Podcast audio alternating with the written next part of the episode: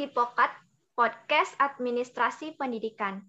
Menyajikan berbagai obrolan mengenai administrasi pendidikan dan menghadirkan narasumber-narasumber yang luar biasa. Hai Sobat Pokat, kembali lagi bersama saya Rifa Ilanda. Gimana nih kabarnya? Saya doain semoga Sobat Pokat yang lagi dengerin podcast ini tetap sehat. Dan jangan lupa terus patuhi protokol kesehatan ya Sobat Pokat. Karena itu penting loh, dengan kita mematuhi protokol kesehatan, kita dapat meminimalisir penyebaran dari yang namanya virus corona. So, jangan lupa terus patuhi protokol kesehatan ya. Pakai masker, cuci tangan, dan tentunya harus jaga jarak. Sobat Pokat, nggak terasa ya udah masuk episode kedua. Hari ini seru banget karena kita kehadirin, kehadirin, salah deh aku ngomongnya. Kita kedatangan seorang anak muda yang super spesial, teman saya tentunya. Dia adalah the third winner Pemuda Mendunia chapter Malaysia dan akhir-akhir ini dia lagi giat-giatnya dengan all shop yang didirikannya. Kita sambut Ismatul Husna. Hai Iis. Halo Iis. Halo Rifa. Apa kabarnya nih? How are you today? Alhamdulillah baik. Alhamdulillah. Iis aku lihat di medsosnya sekarang lagi uh, semangat-semangatnya dan lagi giat-giatnya dengan all shop. Ceritain dong Is tentang all shop yang Is dirikan ini. Ya betul. Uh, sebelumnya terima kasih ya Riva dan teman-teman semua ya, yang udah mengundang aku di podcast ini. Sumpah ini seneng banget sih jadi bintang tamu di podcast Administrasi Pendidikan ini. Uh, sebelumnya ini mengenai sebuah usaha ya yang top ke yang Riva bahas yaitu tentang uh, brand aku. Ya, kita ngomongnya di santai aja ya, karena kita mahasiswa santai. kita santai-santai aja dan bahasanya juga yang udah dimengerti. Oke. Okay. Untuk itu uh, sebelumnya kita cerita-cerita dikit tentang usaha yang aku punya uh, aku punya usaha yaitu yang nama brandnya itu Suai. Sebelumnya aku mulai merangkak pada September 2020 kemarin. Dan Oh, September 2020. Kenapa? Iya, betul. Jadi sekarang mau jalan enam bulan. Oh, iya.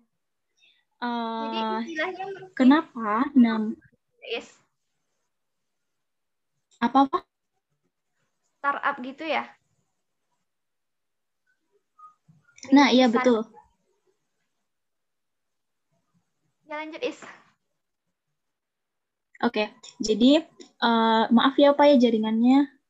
Oke, nggak apa-apa Is. Jadi ini brand aku kasih namanya Suai. Kenapa? Ini banyak yang nanya-nanya nih kalau uh, namanya Suai. Kak, ini ini Suai artinya apa gitu kan? Kalau di Iya, iya. Minang kan Suai itu bahasa Melayu ya. Suai bahasa Melayu yang artinya cocok. Cocok. Suai artinya Hmm. cocok bahasa Kocak Melayu. artinya. Dan banyak uh, teman-teman kampus juga nanya, "Is, arti Suai apaan? Arti Suai itu cocok, arti Suai itu sesuai." Kayak gitu kan dia pada nanya. Terus aku jawab. Di sini aku jawab juga kenapa aku ngambil nama Suai dan Suai itu bukan aku adopsi dari bahasa Minang ataupun bahasa Melayu. Jadi Suai ini kata Suai sendiri itu aku adopsi dari bahasa Thailand. Dari bahasa Thailand. Kenapa? Karena uh, saat aku sedang uh, mempersiapkan usaha ini, aku juga sedang mengikuti sekolah bahasa Thailand di Chatra Witaya School waktu itu. Jadi uh, sedikit banyaknya ya aku mengetahui kosakata bahasa Thailand gitu teman-teman. Jadi hmm. karena itu aku mengambil kata tersebut karena menarik dan juga sebagai mengenang gitu bahwa aku pernah sekolah di Chatrawitaya School kayak gitu kan. Wih, keren. Arti dari kata suai itu sendiri, arti dari kata suai itu sendiri di bahasa Thailand artinya cantik. Wah, makasih Jadi, Is. Kalau misalnya Jadi kalau misalnya orang Thailand ngomong ngomong cantik gitu kan ke ke ke perempuan misalnya laki-laki ngomong yeah. cantik suaina seperti itu. Thank you. Makanya aku ngambil nasi. Kalau bahasa Thailandnya okay. terima kasih. Jadi, kopkun. Kopkun. Iya. ya, jadi kalau kalau terima kasih dari perempuan itu ngomongnya kopkun ka. Kalau laki-laki ngomongnya kopkun kap. Seperti itu teman-teman. Oh, sedikit sering juga ya. bahasa iya, Thailand. Oke, okay, baik. Jadi, uh, kemudian uh, untuk usaha ini uh, bergerak di bidang kecantikan tentunya ya, yaitu produk-produk perawatan wajah uh, untuk sehari-hari yaitu seperti masker wajah dan juga uh, produk spray wajah seperti face mist. Nah, pertama kali aku memberanikan diri untuk mengeluarkan produk masker ini itu masker uh, organik namanya masker wajah yang organik di mana masker uh, ini terbuat dari bahan alami tentunya dari al, uh, alami dari alam dan tidak hmm. ada campuran lainnya sehingga tidak merusak kulit wajah kita karena dari namanya aja udah ada organik gitu ya teman-teman ya. ya Jadi aku keluarin masker ini ada sembilan varian itu pertama kalinya dan yang kedua um, aku seiring berjalannya waktu uh, dengan ngikutin tren juga ya apa yang lagi booming gitu kan kita kan Benar. sebagai pengusaha itu apa yang lagi booming kita harus harus belajar, merangkak dan meraih hal itu biar kita nggak yeah. ketinggalan sama usaha Benar. yang lain seperti itu ya teman-teman. Jadi yeah. um, seiring berjalannya waktu aku mengeluarkan produk lagi itu masker wajah juga yang petal saffron namanya, di mana yang di dalam masker ini terdapat uh, kelopak-kelopak asli dari bunga saffron itu yang kaya manfaat untuk uh, wajah yang berjerawat tentunya serta mencerahkan tentunya. Jadi saffron itu um, mahal juga teman-teman belinya karena di Indonesia nggak ada tanaman saffron. Jadi uh, aku pakai saffron yang dari Turki. Kemudian masker wajah petal tersebut diiringi dengan produk face mist saffron waktu itu yaitu uh, produk yang berbentuk spray face mist face mist oh.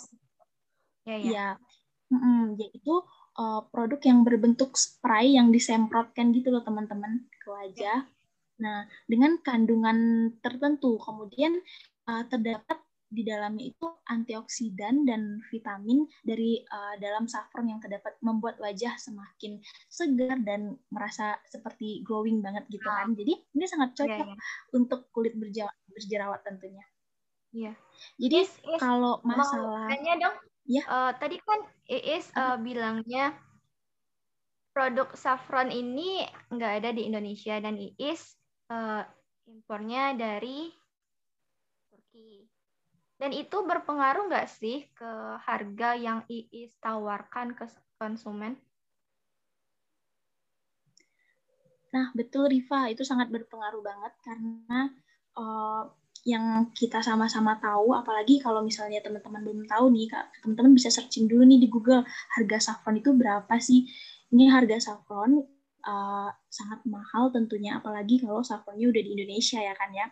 Jadi, ya. Uh, karena kita juga memikirkan uh, bagaimana ke depannya uh, dengan produk, produk saffron ini karena produk ini lagi booming-boomingnya di tahun 2020 kemarin.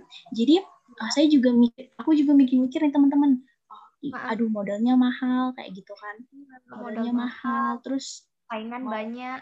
Hmm, jadi nanti kalau kalau dijual harga berapa ya? Apalagi kita mau nyari konsumen itu, incaran konsumen kita kan di kalangan mahasiswa nih. Apalagi kalangan kayak SMP, SMA. Kalau dipikir-pikir harga 20.000 itu terlalu mahal buat mereka. Jadi begitu kan teman-teman. Jadi karena sekarang itu ada alternatif-alternatif lain. Uh, pertama dimulai dengan harga saffron yang mahal, kedua memikirkan uh, bagaimana nanti pemasarannya, apakah nanti mahal, apakah laku. Jadi aku ngambil kesimpulan uh, kita bisa menggunakan uh, saffron pada produk uh, masker wajah tersebut dengan takaran tertentu, dengan uh, perhitungan tertentu agar oh. nanti keuntungan uh, keuntungan pada kita tidak keuntungan yang kita dapat itu tidak tidak akan merugikan kita sendiri begitu. Jadi ya, uh, misalnya modal awal yang kita punya uh, 10 nih, 10 anggap aja 10 untuk membeli saffron yang sangat mahal tersebut. Kita harus ya, ya. membagi-bagi menentukan target untuk membuat produk yang satu ini. Jadi kita juga menargetkan konsumennya, menargetkan harganya dan juga menargetkan takaran pada masker yang mau kita jual. Jadi dari sana kita bisa mikir walaupun saffronnya mahal, nah kita mainnya di uh, takaran atau uh, apa namanya berat pada masker tersebut. Jadi ya. biasanya kita yang jual 25 gram, 50 gram. Nah, karena saffron mahal, kita pakai saffron, kita bikin 15 gram seperti ya. itu, teman-teman. Jadi Iis uh, buat produk ini langsung gitu sendiri. Apa-apa? Uh, buat produknya, produk saffron ini pengelolanya itu Iis sendiri gitu. Oke, baik Riva. Jadi, uh, kalau masalah pengelolaannya, itu kalau ditanya pengelolaan itu memang dari pribadi, tetapi untuk uh, produknya tentu tidak ya, karena uh, aku sendiri nggak punya keahlian di bidang kosmetik ya, tentu ya teman-teman nggak mungkin kan aku bikin kosmetik aku nggak punya keahlian di bidang kosmetik uh, kecantikan wajah. Terus aku asal-asal cemplungin bahan-bahan ini itu. Nanti kan aku mikir juga nanti rusak dong wajah teman-teman. Iya benar. Iya jadi uh, aku sebagai uh, apa namanya uh, pemula juga nyari nyari cuan gitu teman-teman. Kayak uh, apa partner gitu. Partner dan itu partnernya Jadi nanti uh, yang seangkat enggak? Apa-apa? Partnernya itu seumuran sama Iis atau atau orang yang lebih ahli nah, gitu? Kalau Nah, kalau masalah partner, kita nggak bisa bilang seumuran atau gimana ya, Pak. Kita yeah. Iya. uh, partner ini ke brand lain gitu, Pak. Jadi oh, gitu. ada seseorang yang memiliki uh, eh, PT dan punya brand sendiri. Nah, kita join sama dia gitu. Oh, gitu. Nah, iya, kita join sama dia. Jadi, di sini dia mendapat keuntungan, kita mendapat keuntungan seperti itu. Ya. Sama-sama untung lah ya. Iya. Itu pembagiannya uh, 50-50 gitu, Is? Enggak, kalau masalah uh, pembagian, kalau kita udah join sama dia itu, kita cuma tahu produk kita gitu. Kita udah uh, kita udah tahu kan, kita mau ya. ini, mau itu, mau produk ini, mau produk ini. Terus kita bayar deh berapa, misalnya 10 juta. Ya udah kita bayar 10 juta. Nanti mereka cuma tahu untuk memproduksi. Kita hanya menerima gitu. Oh iya. Mm -mm. Ya menurut Iis entrepreneurship ini seperti apa sih kan Iis sudah berpengalaman ya, udah mau uh, apa merintis usaha all shop di bidang kecantikan dan skincare. Menurut Iis apa sih entrepreneurship ini?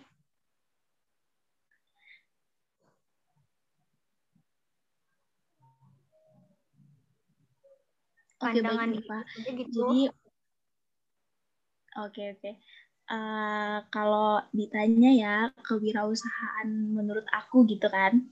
Iya, ya. Ya, kalau karena aku udah cobanya sendiri terus dapat disimpulkan ya menurut pendapat sendiri dan pengalaman okay. kalau kewirausahaan itu ya gimana uh, kita yang memiliki kemampuan gitu dalam uh, mewujudkan sebuah gagasan yang inovatif. Jadi gimana nih pendapat Iis tentang KWU itu sendiri? Oke baik. Uh, kalau menurut uh, aku ya teman-teman, kalau tentang KWU, jadi kewirausahaan kan. Iya. Kewirausahaan itu sebenarnya uh, merupakan ya sifat dari diri seseorang sebenarnya itu. Jadi sebuah sifat gitu atau ciri-ciri lah yang dibawa oleh seseorang tersebut yang memiliki kemampuan dan mewujudkan gagasan inovatif ke dalam dunia nyata. Nah, gagasan inovatif tersebut yang dibawa ke dunia nyata itu dibawa secara kreatif, teman-teman, seperti itu. Benar, itu yang dinamakan dengan kewirausahaan. Jadi jiwa kreatif ya, Is?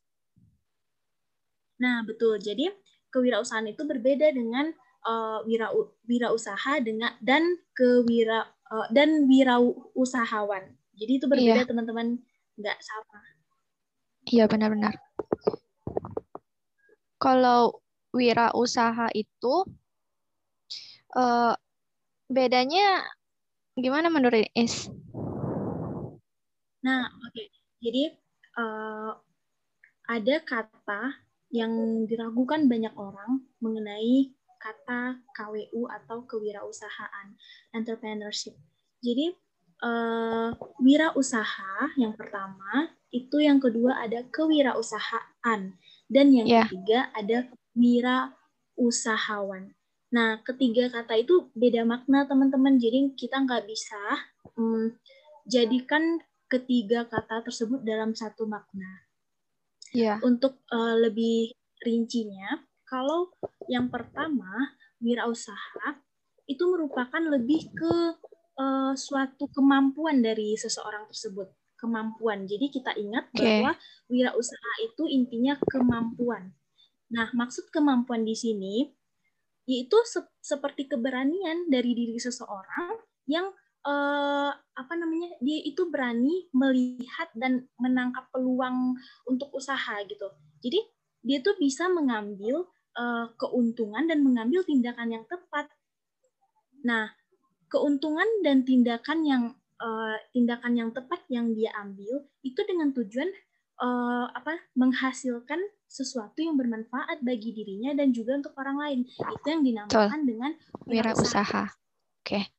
Nah, kalau kewirausahaan itu uh, kita fokusnya lebih ke sifat atau ciri seseorang. Nah, ciri seseorang atau sifat seseorang yang uh, memiliki kemampuan dalam mewujudkan gagasan inovatif uh, dalam dunia nyata itu secara kreatif yang tadi aku bilang ya teman-teman. Dan yang ketiga yeah. itu ada uh, wira usahawan. Nah, kalau yang okay. wira usahawan ini kita fokusnya pada orangnya. Jadi kalau teman teman-teman dengar kata wira usahawan itu kita fokusnya kepada orangnya. Jadi maksudnya di sini itu ya orang yang memiliki kemampuan gitu untuk melihat dan menilai uh, kesempatan untuk membuka okay. peluang bisnis atau usahanya. Jadi, Jadi? Uh, kita dapat simpulkan bahwa uh, apa namanya wirausaha itu kita fokusnya ke kemampuan atau keberanian. Okay. Kalau kewirausahaan, kewirausahaan itu, itu sifatnya. Ya dan ciri seseorang gitu. Dan okay. kalau wirausahawan itu, usahawan itu lebih ke orang ke orangnya. Baik. Jadi iya, gitu uh, sobat pokat, ada nggak kira-kira jiwa wirausahawannya atau jiwa wirausaha yang ada di diri sobat pokat semuanya? Ada nggak jiwa kreativitasnya untuk memunculkan peluang-peluang yang dapat menghasilkan cuan-cuan seperti itu? Ya kan, Is? Iya, betul. Uh, jadi setelah tadi kan Iis mengemukakan pendapat Iis nih tentang kewirausahaan. Sejauh pandangan Iis melihat atau uh, keseharian deh, gimana sih menurut Iis jiwa kewirausahaan mahasiswa sekarang ini? Oke, baik. Uh, bagaimana tanggapan aku ya, Fah, ya. terhadap ya, ya. wirausaha mahasiswa pada mahasiswa. Ya. ya. Oke, seperti yang mungkin sama-sama kita amati semuanya, itu menurut aku masih lemah, Pak, masih lemah. Masih lemah ya? Uh, ya, kenapa? Kalau kita bahas kelemahannya itu di mana dan kenapa uh, aku katakan lemah gitu. Yeah. Kebanyakan mahasiswa sekarang itu kemauannya kuat. Kemauannya kuat. Maksudnya uh, maksud dari kemauan kuat yang aku katakan itu uh, ada kemauan untuk berkarya dari mahasiswa tersebut dalam uh, belajar dan nantinya untuk uh, berusaha dan menerapkan pengetahuannya di dalam dunia usaha itu sendiri. Nah, uh, kemauan yang kuat itu menjadi dasar ya sebenarnya menjadi dasar dan bentuk komitmen dalam membangun usaha. Nah, kita kan belajar tuh di kampus kita juga ada mata kuliah kewirausahaan. Iya, benar. Kan? Nah, ya ada dua malahan kita belajarnya ya. Iya, betul. Jadi dalam belajar itu akan terlihat lebih sungguh-sungguh uh, memper ya, ya. memperhatikan uh, dan menikmati apa yang seharusnya diperoleh. Maka mereka yang memiliki kemauan tanpa lebih sangat apa namanya eh, dalam membuat keberhasilan itu memang benar-benar yakin gitu dapat diwujudkan. Iya ya.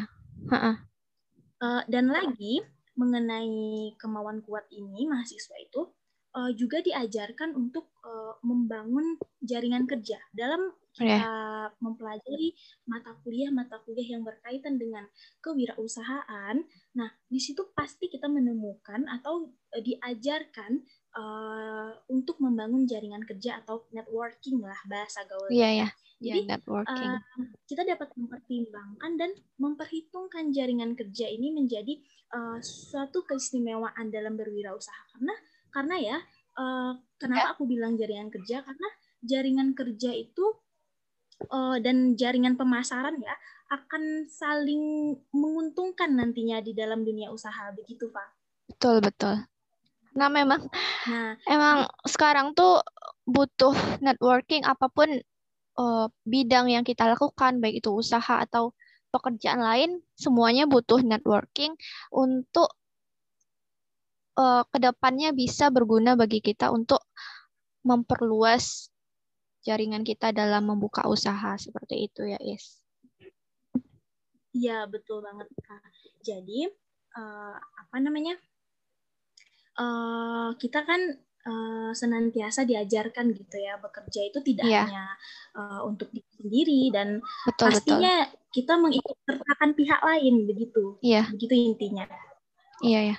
dan uh, kita mungkin ya teman-teman yang apalagi yang seumuran dengan aku sendiri termasuk kamu nih pak uh, pasti ya, kita benar. belajar uh, ya perlu belajar banget nih sama iya. Iis kan Iis sudah berpengalaman nih buka all shop dan kami Jadi, yang belum ya. membuka ini kan juga butuh pelajaran dan informasi gimana sih caranya. Kemauan udah ada, tapi pas mempraktekkan dan prosesnya itu yang belum cocok nih seperti apa seharusnya.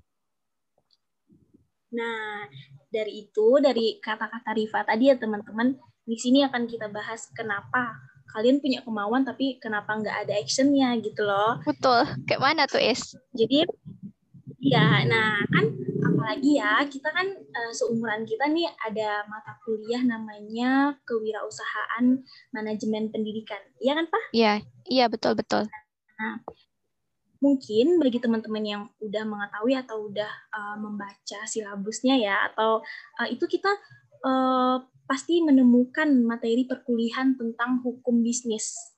Nah, hukum bisnis. Jadi, um, apa namanya? Uh, untuk materi tersebut untuk mengajarkan kepada mahasiswa uh, mendapatkan pengetahuan bagaimana berwirausaha yang baik dan benar itu di dalam sebuah struktur negara gitu. Jadi uh, peran usaha dalam membantu pemerintah itu ya memajukan perekonomian kan menjadi keadaan yang diharapkan oleh pemerintah Indonesia tentunya. Yeah. Nah, yeah. untuk itu uh, jiwa kewirausahaan mahasiswa yakni kemauannya kuat gitu kan uh, ya, mampu betul. membuat keputusan uh, kreatif gitu kan jadi harus tekun membangun kebersamaan juga jadi memahami ya. etika bisnis yang aku bilang tadi uh, melakukan perubahan dan uh, menangkap peluang bisnis itu kita harus bisa gitu jadi iya, iya. Kadang itu ya, yang uh, nah. belum kami pahami bagaimana cara menangkap peluang bisnis itu. Kalau misalnya kita uh, katakan misalnya nih sekarang lagi musim-musimnya boba, tetapi kalau kita tidak bisa hmm. memenangkan pasar itu juga tidak akan selaku yang orang jual. Jadi oh, emang oh, jadi Iya, Pak? Iya, iya, yes. Iya, lanjut, Is. Oh, jadi uh, intinya kita udah uh, tahu kalau sekarang itu lagi booming-boomingnya kayak boba gitu kan. Iya, iya, boba. Terus kalau misalnya kita bikin usaha kayak gitu, nanti laku nggak ya? Itu kan, Pak? Iya, iya. Iya, benar-benar. Oke, okay, sebenarnya kita nggak boleh fokus banget untuk ke usaha yang lagi booming, begitu, Pak, intinya. Oh, jadi, jadi gitu ya? Sebaiknya sebaiknya dan sebagusnya kita munculkan sebuah ide yang kreatif dan berbeda dari orang lain itu lebih baik sebenarnya itu lebih baik memang yeah, yeah. Uh, kalau kita katakan ya itu memang sulit gitu kan memunculkan ide yang kreatif itu pasti sulit yeah, banget betul. kan gitu sulit Jadi, banget guys uh, Iya betul. Kita butuh banyak referensi, harus sering baca-baca artikel gitu kan. Iya, Jadi yeah, yeah. Uh, untuk kalau kita ngikutin perkembangan zaman, apa yang lagi viral sekarang, apa yang lagi uh, booming sekarang, yang lagi rame, misalnya itu boba yang Riva katakan, terus kita misalnya mau buka usaha nih uh, tentang eh buka usaha nih mau usaha boba juga ah karena lagi rame-ramenya gitu. Nah yeah. di sana kita bisa menangkap peluang. Menangkap peluang maksudnya di sini, uh, misalnya aku nih, aku kan di Solok Selatan ya nama daerahnya uh, aku harus lihat walaupun aku uh, ingin uh, punya usaha tentang boba yang lagi viral di mana-mana, terus aku harus lihat nih di lingkup lingkup lingkungan aku sendiri gitu. Di sini udah ada nggak sih yang jualan itu gitu? Udah ada nggak sih yang jualan itu? Terus kalau misalnya ada yang jualannya berapa orang gitu, jadi kita harus uh, analisa dulu gitu. Uh, jadi kita iya, iya. nanti iya. setelah kita analisa, kita akan mendapatkan atau bisa mengambil peluang di sana gitu.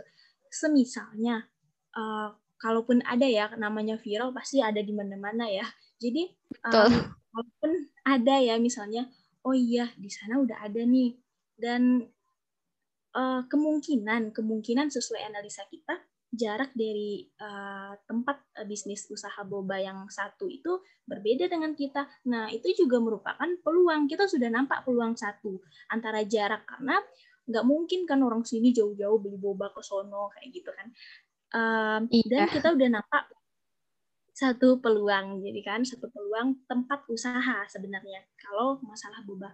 Kemudian kita juga lihat keramaian yang ada. Kita harus tentukan juga lokasi kita berdiri itu di mana gitu kalau di pasar cocok nggak ya? Atau di tepi jalan raya atau depan rumah? Nah kalau depan rumah, kalau rumahnya di perkampungan pelosok kan nggak mungkin ada yang beli kayak gitu. Betul. Jadi uh, kalau misalnya uh, malahan jualan kita banget, habisnya karena kita sendiri, ya Is. Iya betul. Jadi usahakan kita bisa menangkap peluang uh, bisnis itu sebaik mungkin biasanya ya untuk keramaian itu kayak di taman-taman kota itu kan keramaian di tepi jalan itu keramaian gitu sih teman-teman. Oke okay, baik.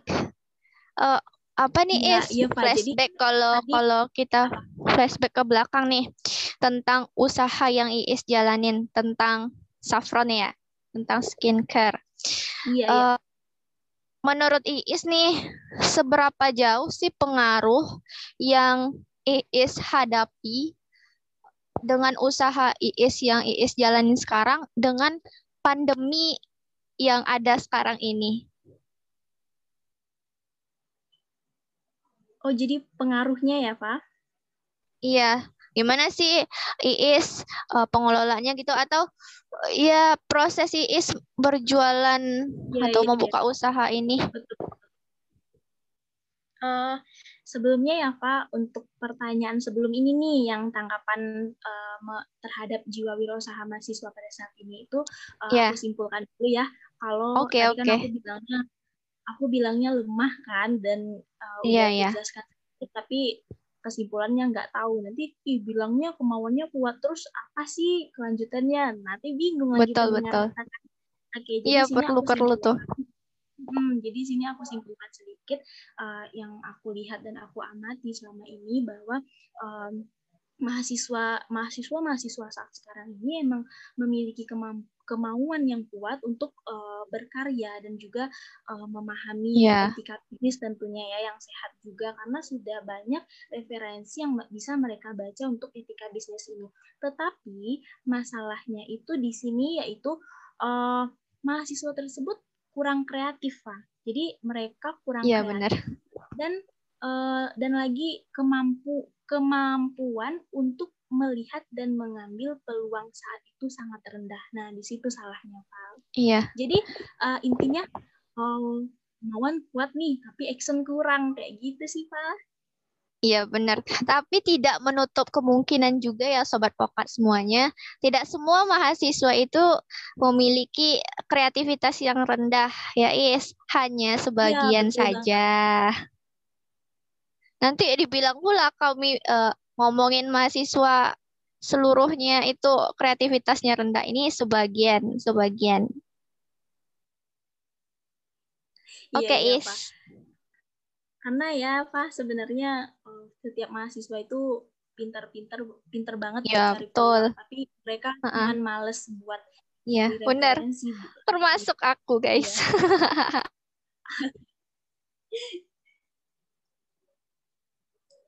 Oke, Pak uh, masuk ke pertanyaan Tifa yang tadi ya, yang setelah Iya. Yeah.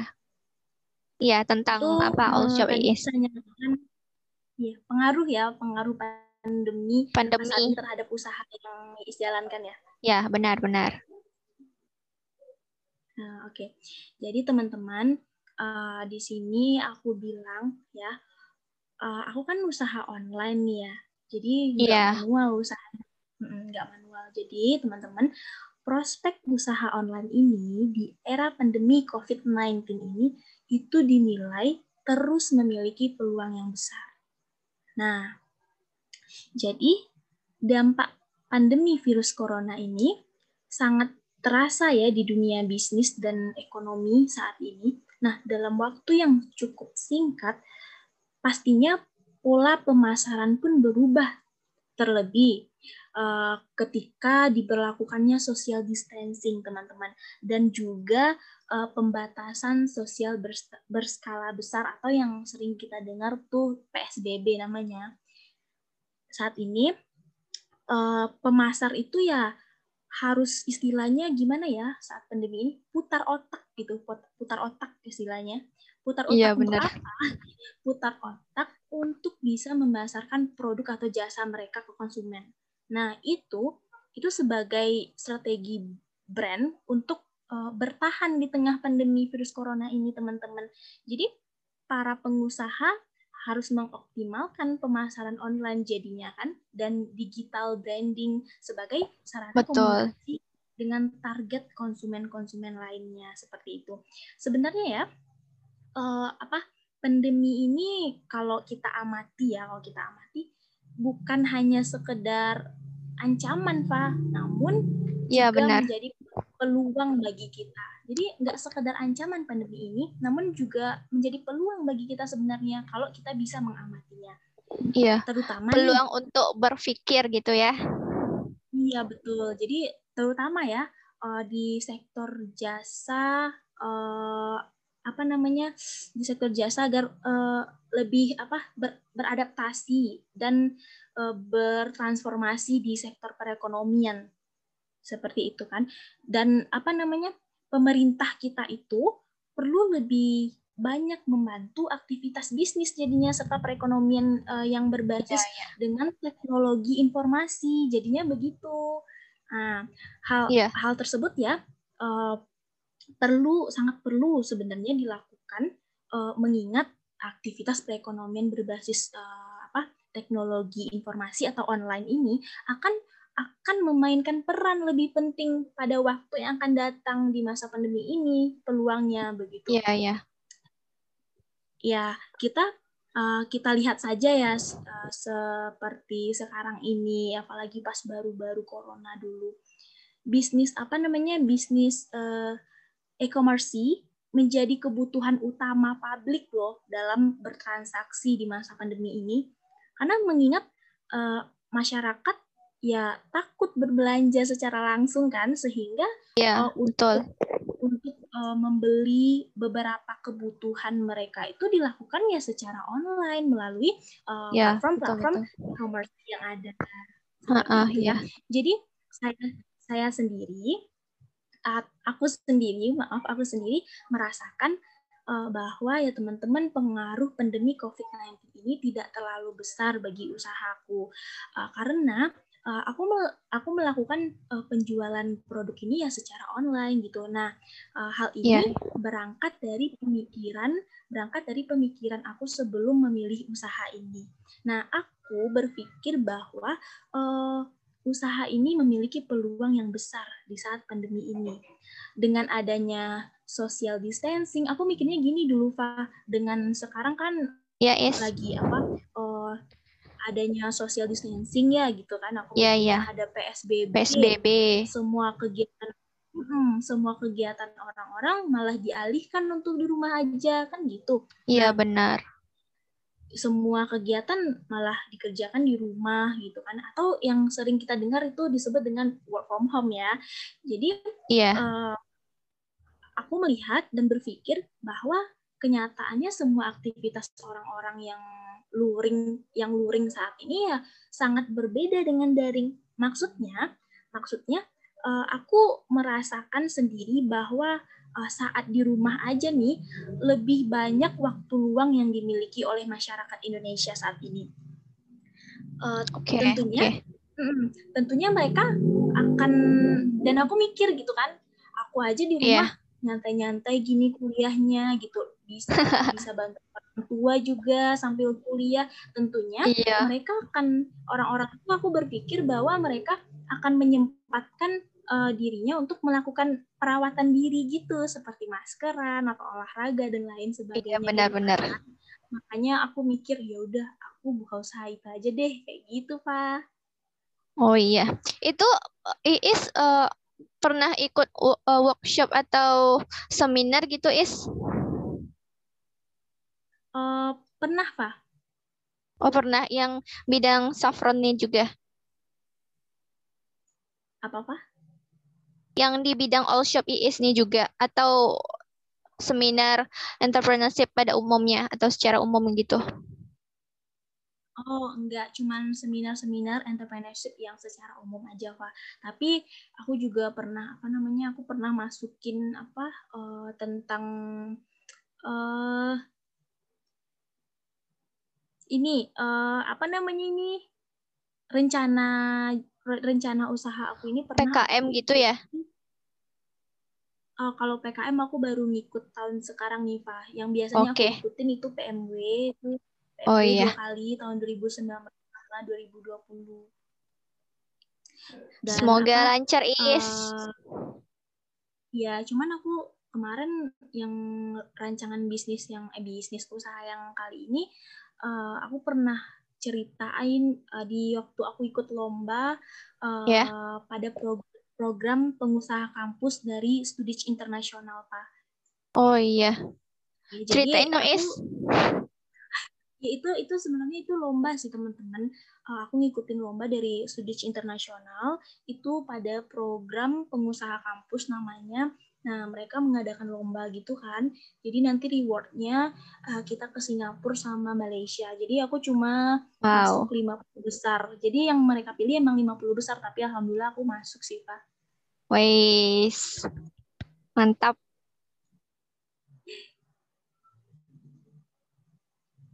Ya, lanjut, Is. Oke, Pak. Masih ada, Pak, pertanyaannya? Sebenarnya sebenarnya banyak sih yang mau ditanyain sama pengusaha muda administrasi pendidikan, tapi karena udah eh, udah kurang lebih 30 menit juga ya. Pertanyaan terakhir deh untuk kami-kami ini sobat pokat semuanya, tips dan trik dari IE semua untuk memulai suatu usaha bagi mahasiswa khususnya sobat pokat semuanya. Gimana, Pak?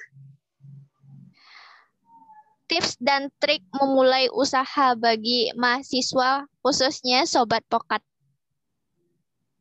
Oh, oke. Jadi tips ya, tips dan trik untuk Ya, memulai tips dan trik nih ya, dari bagi- pengusaha muda administrasi pendidikan.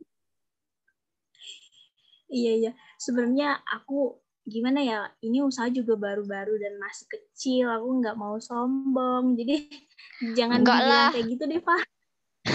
Nggak apa-apa kali, insya Allah jadi pengusaha. Doa loh, Amin. amin. Amin, amin. Oke, Gimana nih kita triknya? mulai pertanyaan dari Rifan ya teman-teman tips eh, atau dan trik ya untuk mulai suatu usaha bagi eh, sobat-sobat pokat hari ini atau bagi mahasiswa lah khususnya ya. Iya, Oke. benar-benar. Em, di, di sini aku bilang dulu banyak eh, omongan bahwa memulai usaha sambil kuliah itu merepotkan bagi mahasiswa ya. Banyak itu Benar-benar. omongannya. Iya, Nah, benar tuh. Gue bilang di sini. Jadi siapa bilang gitu? Siapa bilang memulai usaha sambil kuliah itu merepotkan? Sampai hari ini masih banyak orang yang berpikiran bahwa merintis sebuah usaha di bangku perkuliahan itu hanya akan mengganggu konsentrasi belajar bagi mahasiswa. Seperti itu. Pola pikir yang seperti ini ya, Fa, itu tentunya kurang tepat menurut aku Iya, iya.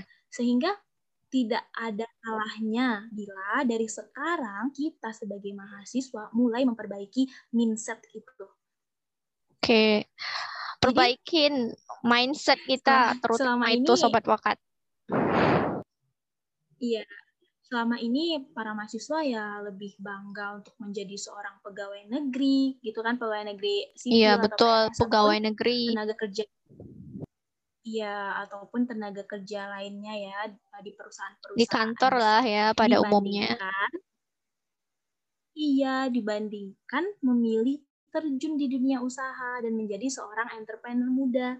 Nah, Betul. paradigma ini nih, paradigma ini eh, ya sangat memprihatinkan sebenarnya menurut aku dan tidak heran Iya, ya benar. bila sampai Iya, tidak heran kita mikirnya bila sampai hari ini eh, angka pengangguran eh, sarjana di Indonesia ini jumlahnya terus bertambah, Pak. Iya, betul. Semakin banyak Hmm, sarjana, semakin banyak pengangguran. Iya betul betul. Jadi jadi karena itu untuk mancing ya uh, istilahnya ya untuk memancing tumbuhnya motivasi lah pada diri mahasiswa mahasiswa uh, ada beberapa tips nih dari aku untuk memulai usaha sambil kuliah bagi mahasiswa. Yang pertama, yang pertama yaitu membangun mental entrepreneur.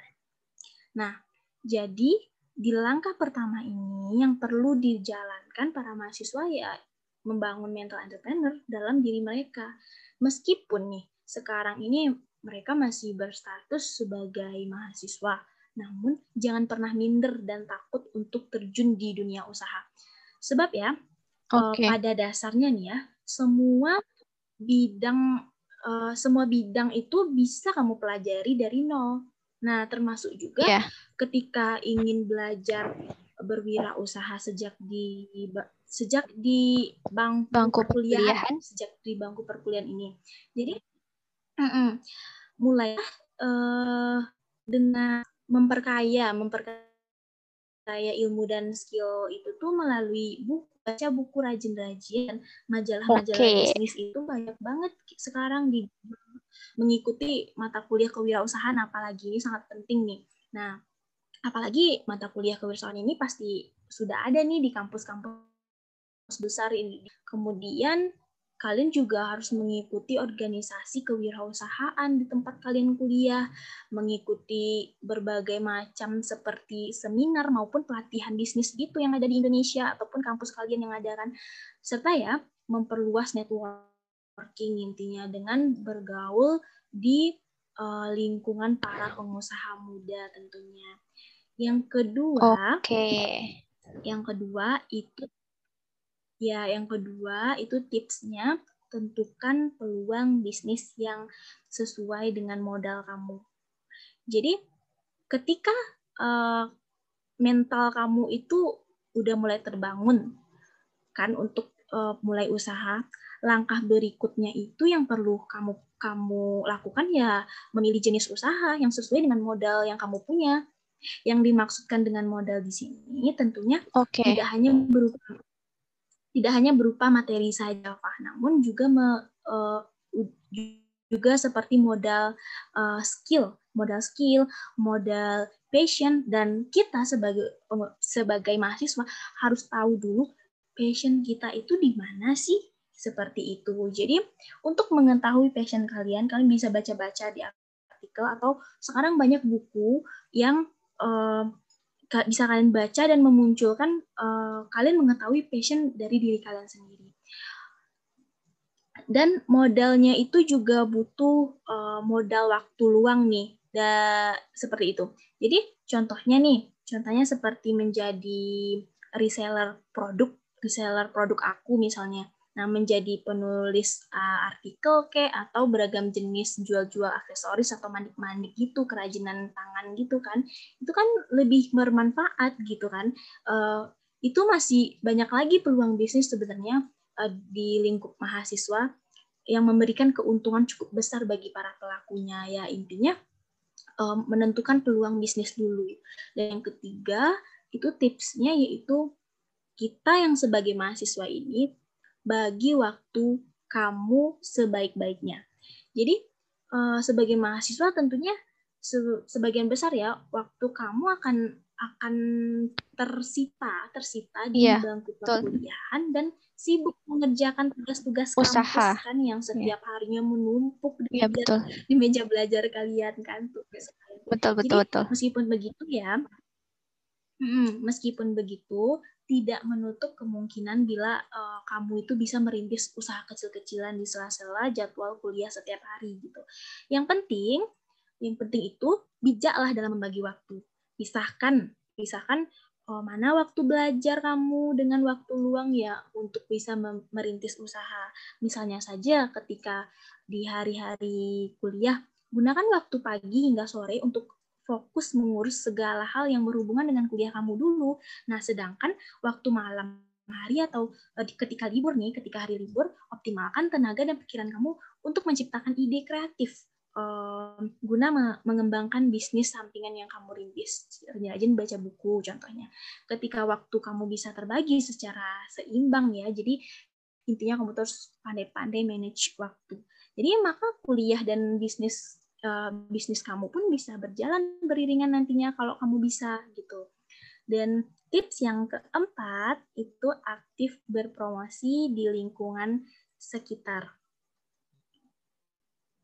Oke, Pak. Uh, Oke. untuk mendukung pengembangan bisnis itu ya di jalan yang dijalankan setidaknya kamu bisa memulai berpromosi di lingkungan sekitar kamu. Contohnya dengan menginformasikan produk dan jasa kamu kepada teman-teman kuliah, teman-teman SMP, Baik. keluarga, saudara.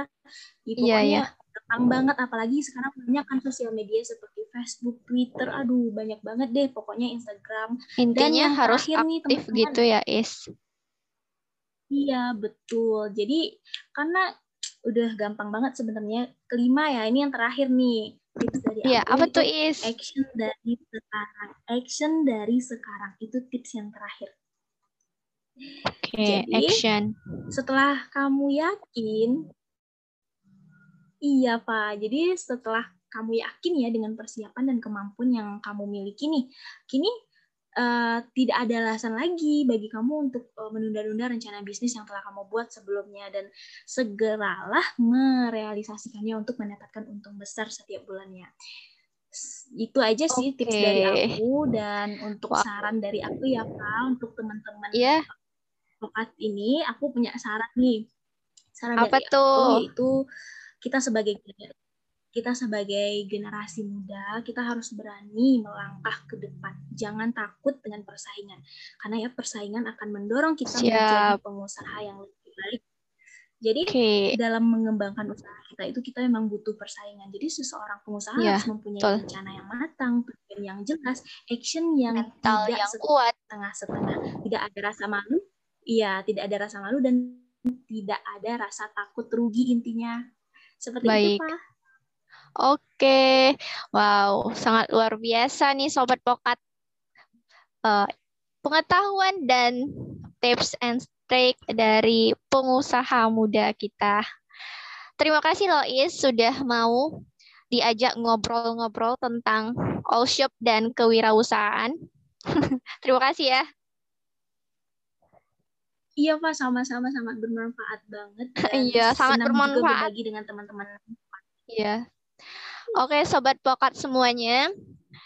Seperti biasa, setiap orang punya cerita dan setiap cerita tentu membawa pelajaran yang berharga. Seperti itu yang dikatakan Is tadi dengan obrolan aku dan Iis tadi, semoga dapat memberikan manfaat bagi sobat-sobat yang mendengarkan, terutama bagi sobat-sobat yang sedang bergelut dengan dunia usaha atau yang bagi yang belum juga bisa mengikuti tips dan trik dari IIS tadi.